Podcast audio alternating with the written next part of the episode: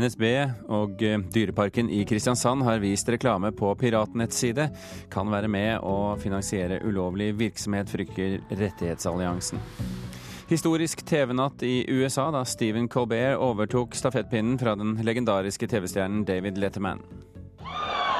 Thank you for all joining me for my first episode of The Late Show with, starring Stephen Colbert. Lukten av kloakk, fisk og svette fra Kansas stilles nå ut i Stavanger. Og så kan du bruke de neste minuttene på å gjette hvor mange intervjuer dronning Elisabeth av det britiske samveldet har gitt i sin eh, drøye 63 år lange karriere. Du skal få svaret litt senere i Kulturnytt, som du i dag får med Birger Kolsrud Aasund i studio.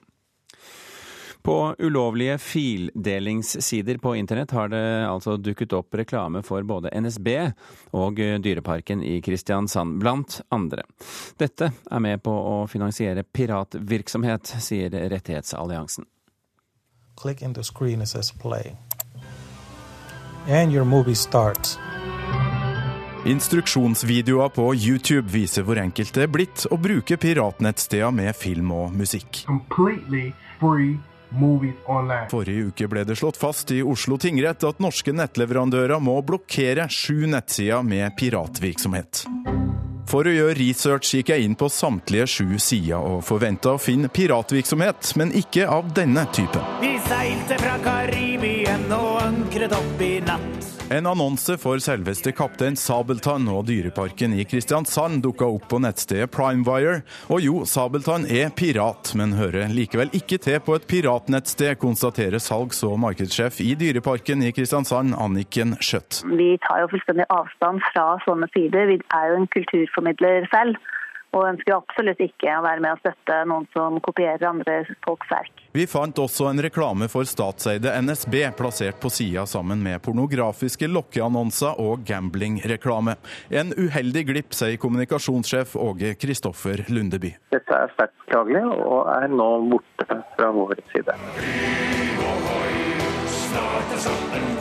Pirater er som kjent glad i penger, og nettpirater er intet unntak, mener Willy Johansen, leder i Rettighetsalliansen, som på vegne av bl.a. film- og musikkbransjen kjemper imot ulovlig nedlasting. Han mener NSB og Dyreparken her ufrivillig er med på å finansiere kriminell virksomhet. Disse ulovlige sidene de gjør ikke dette for moro- skyld. De tjener veldig store penger på annonsering. Det er jo synd at uh, Dyreparken blir uh, annonsert på, en, uh, på sider som inneholder klart ulovlig innhold, og ofte grov pornografi også i tillegg. Dette er ikke bra i hele tatt. Dessverre så er det vel sånn at mediebyråene rundt omkring i Europa de skal bare spre annonser til treffe et visst antall mennesker uten å se hvor de setter den. Så her bør vel mediebyråene skjerpe seg kraftig. Så hvordan er det mulig at annonser for NSB og Dyreparken dukker opp på et piratnettsted? I dette tilfellet en teknisk feil hos en underleverandør, forteller Erik Solberg i mediebyrået Karat, som har formidla reklamen. Vi kan ikke annet enn å beklage det, men vi har stengt all aktivitet på den, hos den underleverandøren, hos, eh, hos det nettverket, og så jobber iherdig med, med å rette det opp for å sørge for at dette ikke skjer igjen. Kan du si hva slags underleverandør det er snakk om? Et stort internasjonalt annonsenettverk. Det, det kan jeg si. Jeg syns det er litt ansvarsavskrivelse fra Karat å si at de har bare brukt et nettsted uten å kontrollere hva dette nettstedet er for noe. Så dette er helt klart mediebyråens ansvar. I dette tilfellet her så har dette vært vårt ansvar, ja. Som jeg har sagt, det er ikke, vi vil ikke at det skal være sånn. Vi tar sterk avstand fra å bruke sider som dette. Vi eh, forvalter eh, annonsepenger for eh, noen av Norges største og viktigste annonsører. Det skal rett og slett ikke skje. Så kan vi ta det rolig reporter i denne saken, det var Torkil Thorsvik. Erik Wilberg, førsteamanuensis ved Institutt for strategi ved Handelshøyskolen eh, BI. Det du hører her, eh, syns du det er overraskende? Ja og nei, altså Man vet jo at det er veldig mye rart som foregår ute på nettet. Så at et eh, sånt sleivspark, eller hva vi skal kalle det, som har skjedd i dette tilfellet, det må vi nok regne med. Men er det et sleivspark? Ja, altså Jeg tror faktisk det er så enkelt eh, at eh, han eh, som uttalte seg fra Karat at man rett og slett har satt et feil parameter et eller annet sted. Det kan vel skje. Men det kan jo også være at det har vært mer aktiv virksomhet av algoritmer ute på nettet som har fanget opp dette her og plassert det på et nettsted. At Dyreparken og NSB ikke vil være der, det, det er vi ikke i tvil om. Men ligger det litt i, i dette systemets karakter at slike ting vil skje? Ja, jeg tror det. Vi, vi, har jo en lang historie med at eh, det har skjedd rare ting opp gjennom årene når det gjelder utviklingen av elektronisk, eh, elektronisk datakommunikasjon. Så eh, at, at, vi kan få utslag i den ene eller andre retningen på et, på et nett som er så aktivt og som etter hvert har blitt så komplekst, det tror jeg.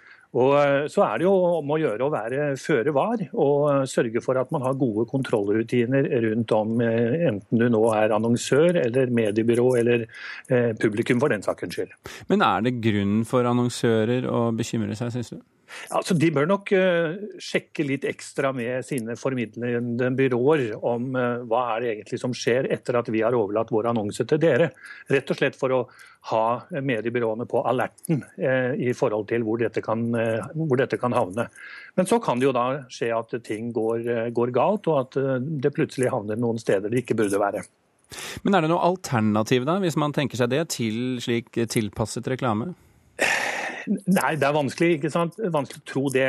Nå er det jo slik etter hvert at vi får målgruppe, målgruppetilpasset reklame i nær sagt ethvert medium. Det er jo et problem i seg selv, fordi at man, man, man filtrerer jo bort. Det er jo en sånn filtrert boble vi er i.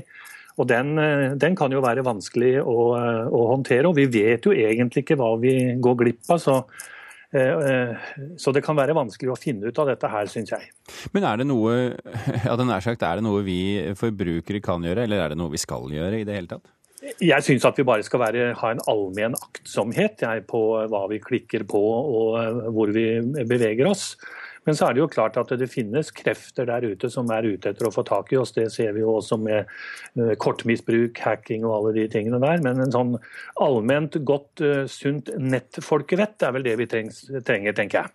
Men vil det være på sikt et uh, omdømmeproblem for annonsører hvis man blir knyttet til i dette tilfellet piratsider, men det kan jo være mange forskjellige typer ikke fullt så interessante sider?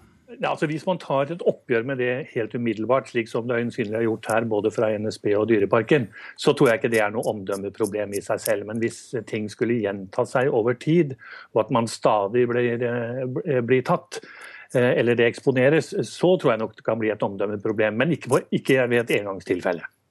Erik Wilberg ved Handelshøyskolen BI, tusen hjertelig takk for at du var med oss i Kulturnytt. Nordens største auksjonshus velger nå bort kunstkatalogen på papir. Auksjonshuset Bukowski i Stockholm har merket sviktende interesse for papirkatalogen, sier Bukowski-sjef Anna Karin Lorell til Dagens Næringsliv. Glanset papir blir byttet ut med presentasjoner av kunsten på internett. Og daglig leder ved Blomkvist i Oslo, Knut Forsberg, sier til Dagens Næringsliv at Bukowskis er det første av de store internasjonale auksjonshusene som tør å gjøre dette, og at de fortløpende vurderer vurderer om de skal gjøre det samme selv.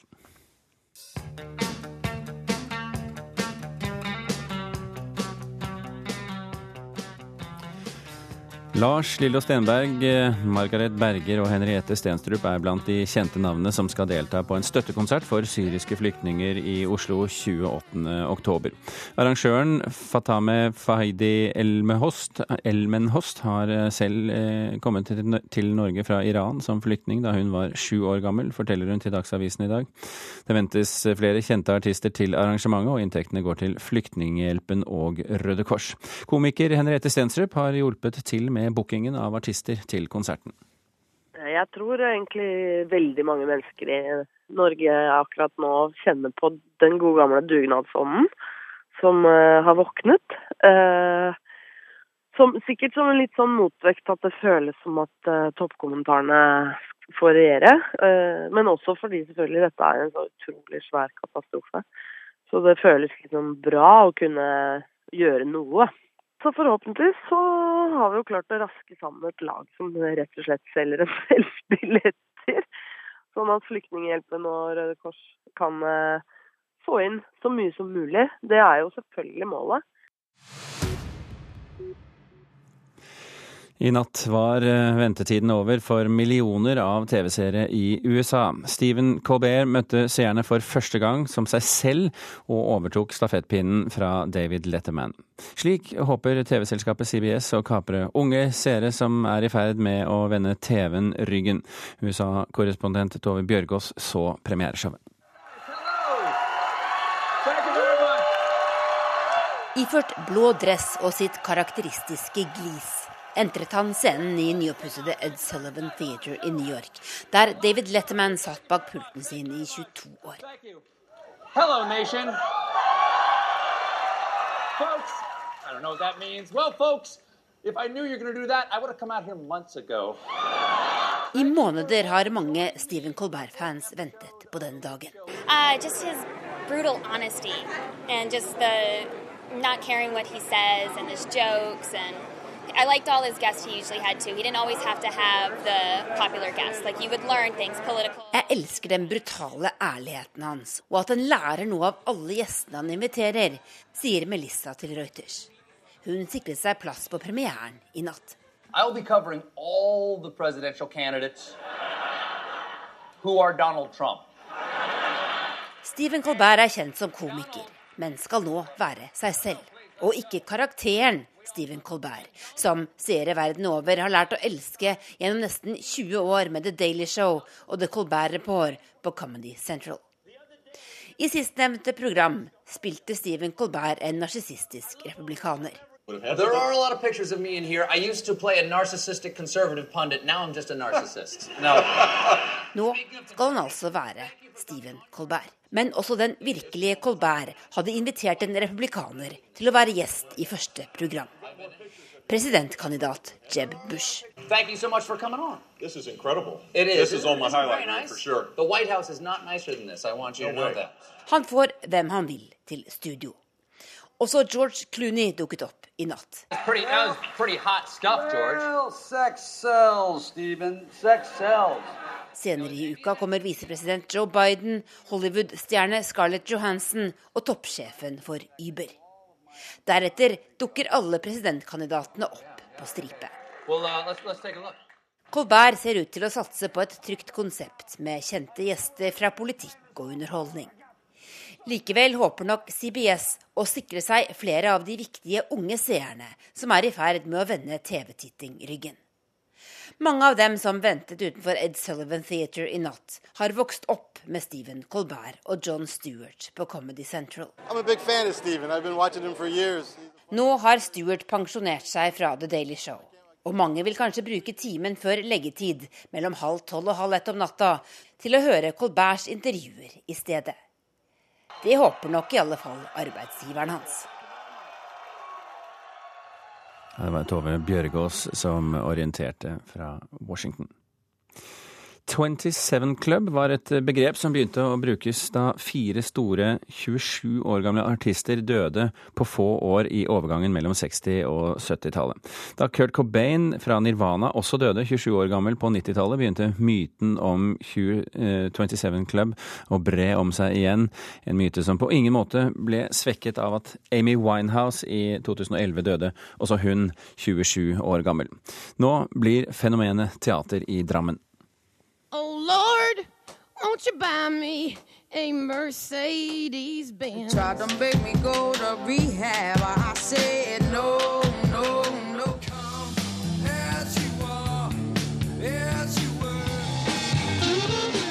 Janis Joplin, Jimmy Hendrix, Amy Winehouse, Jim Morrison, Brain Jones og Kurt Cobain har én spesiell ting til felles. I tillegg til å være store stjerner på musikkhimmelen, døde også alle da de var 27 år gamle. Nei, jeg tenker på det at de har levd livet sitt uten bremser på. De har, det er full pakke. Dette er Katrine Berg Nilsen, som er markedssjef ved Brageteatret. Hun viser meg nå rundt i en stor lagerbygning som det nå bygges både scene, amfi og sminkerom inni.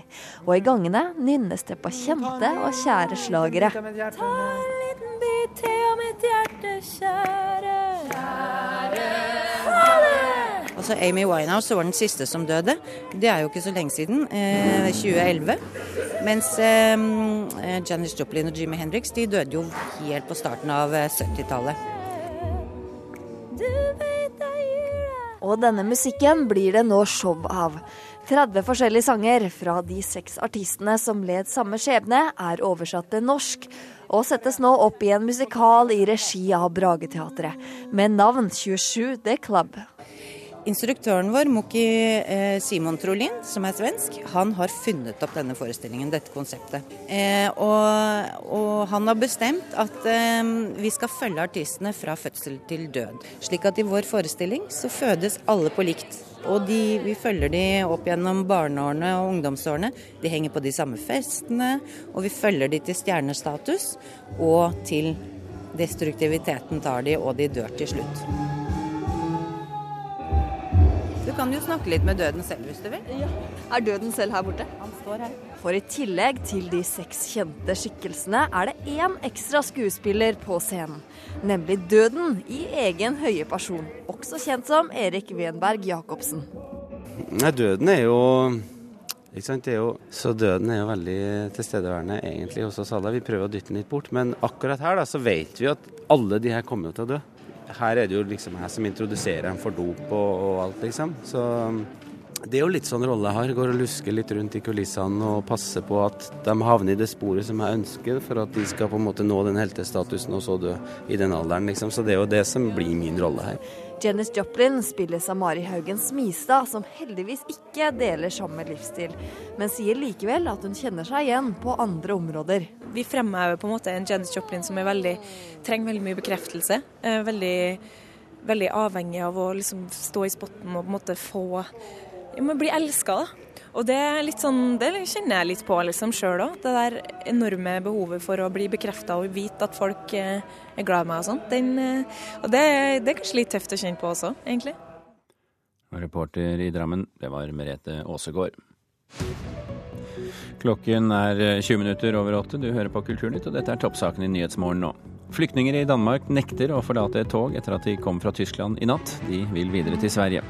Ifølge tall fra Utlendingsdirektoratet er det nå 5113 personer som venter på bosetting i norske mottak. Blant dem er det 1000 flyktningbarn som har kommet alene til Norge. Gårsdagens blodige angrep i Tyrkia, da 15 politifolk ble drept, har satt i gang en rekke hevnaksjoner i flere tyrkiske byer, bl.a. i feriebyen Aljana.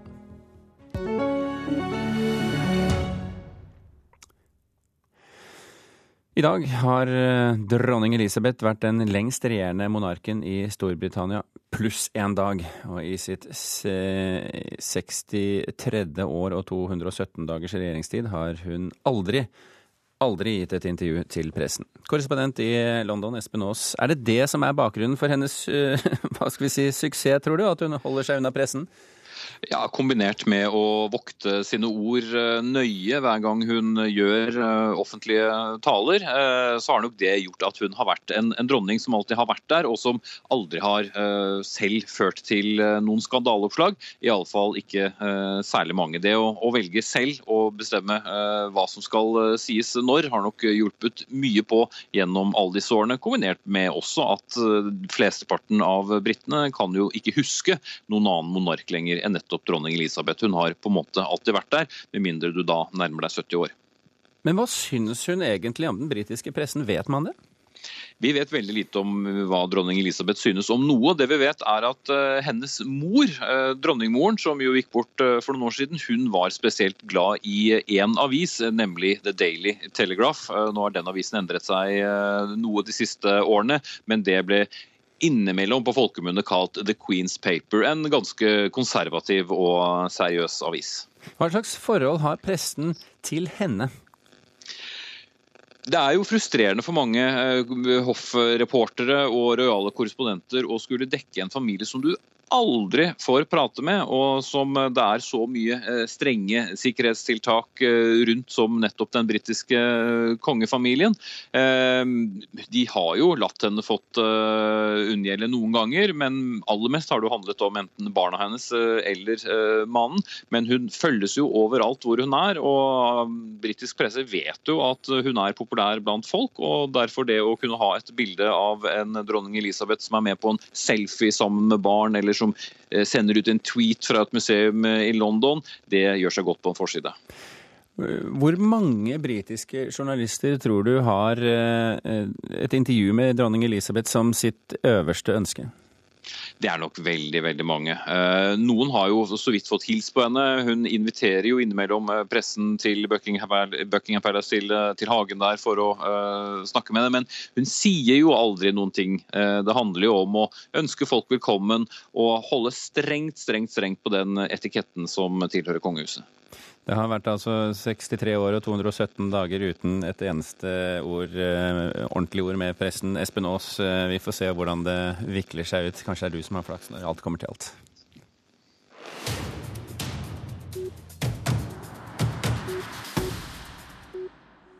Luk lukten av eh, kloakk, svette og fisk blir nå stilt ut i Stavanger. Det er kunstneren Sissel Tolås som bruker kjemiske prosesser for å kopiere lukten av byer rundt omkring i verden. Hun har 10 eh, 000 lukter i arkivet sitt i Berlin, og nå er eh, hun i fødebyen Stavanger med lukten av Amerika. Det er litt av hvert å lukte her, ikke bare roser og uh, sitroner osv. Det er litt kloakk og fisk og svett og så videre. Kunstner Sissel Tolås er på plass i Galleri Sølvberget på Stavanger kulturhus. Lukt har vært hennes prosjekt i 20 år. Her står det jo jeg vet ikke hvor mange glass. 150. 150 glass. Ja, Det kommer sånne profesjonelle sticks, så du kan gå rundt og lukte på de, på de stikkene. Tolås samler på lukten av byer rundt om i verden, og utstillingen i Stavanger tar utgangspunkt i et prosjekt fra Kansas City i USA i 2012. Jeg kaller det smell game. Ja. Luktlek, eh, hvor det dreier seg om å finne lukter i alle typer nabolag. Spiller ingen rolle om du er rik eller fattig eller bjørn. Ja. Eh, det som dreier seg om, er interessante lukter. Det går i engelsk og norsk for Tolås, for hun er født i Stavanger, men har bodd i Berlin i mange år.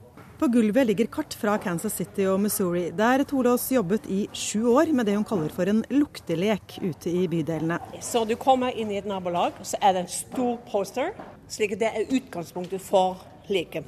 Så ah, der borte kan jeg potensielt finne en lukt. Så off you go. Ja? Og da er alle disse stasjonene indikert i form av en nase. Men du selv må finne den egentlige lukta. Så jeg bare hjelper deg på veien. Men for å kunne lage utstillinger må luktene også samles inn og gjenskapes i gallerirommet. I arkivet sitt i Berlin har Tolås ikke mindre enn 10 000 lukter, eller dvs. Si syntetiske versjoner av dufter. Jeg kopierer lukta av vann, eller lukta av eh, Missouri River, eller lukta av, av svett. Ja? Kjemisk reproduksjon av en uh, originallukt.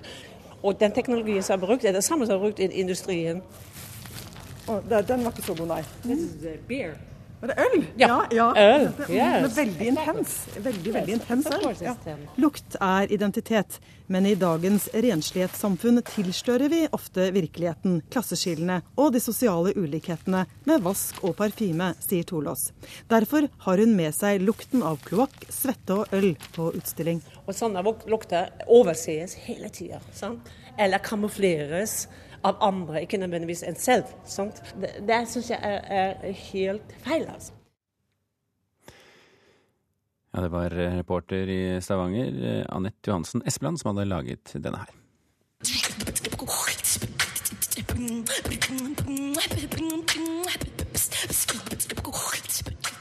Dette er eh, Kayla Mulady, artisten som er kåret til verdens beste kvinnelige beatboxer, og som for tiden er i Norge for å delta under årets hiphop-teaterfestival Speakerbox.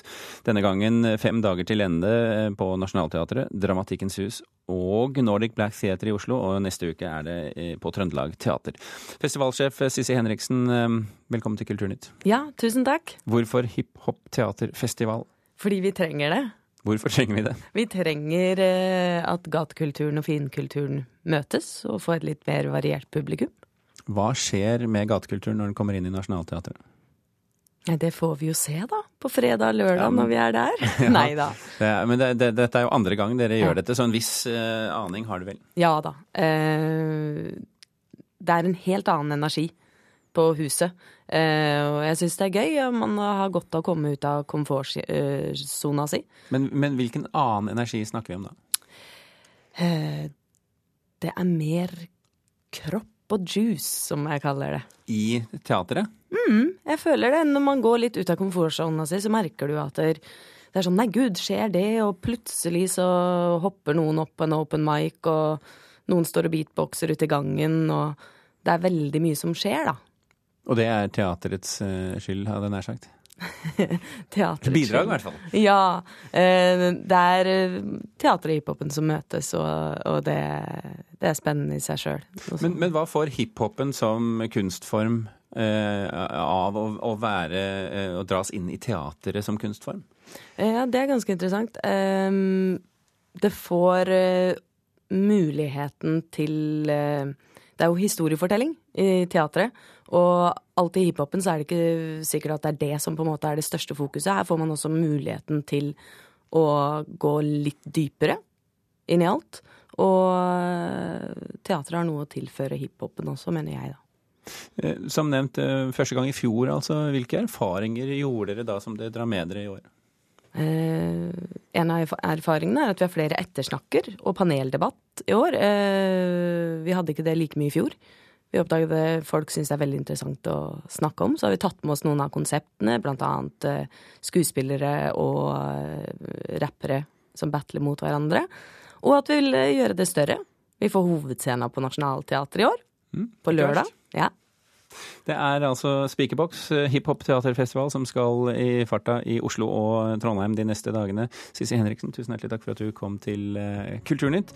Vi skal runde av her. Vi kan eh, fortelle at vi i dag snakket om NSB og Dyreparken i Kristiansand, som har vist reklame på piratnettside, og at Rettighetsalliansen frykter at det kan finansiere ulovlig virksomhet. Hilde Tosterud, Vidar Skjem, Birger Kålsrud Aasund takker for følget.